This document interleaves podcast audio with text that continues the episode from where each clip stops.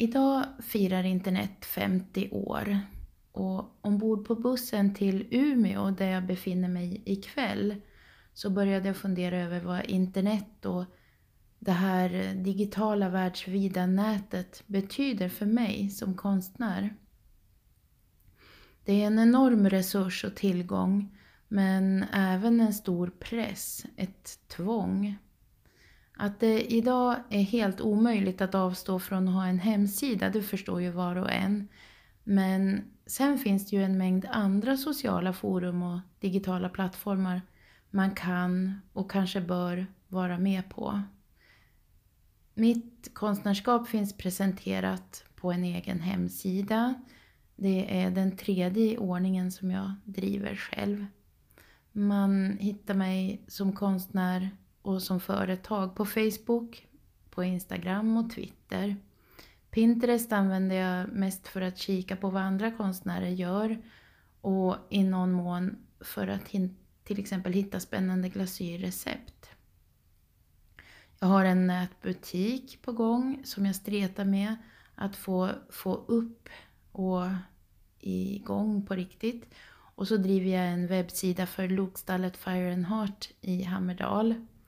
Och faktum är att det är jag som står bakom ett Twitterkonto för det kära lokstallet också.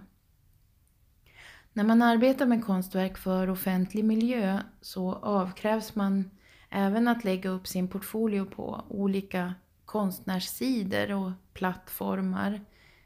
Ehm, för att delta i upphandlingar måste man lägga upp sin portfolio för varje specifik ansökan och ändra den man har uppe sedan tidigare så den matchar den aktuella utlysningen. Flera av de medlemsorganisationer jag är med i har också egna sidor där varje konstnär kan lägga upp sin egna presentation med bilder, filmer, CV, länkar och annan text.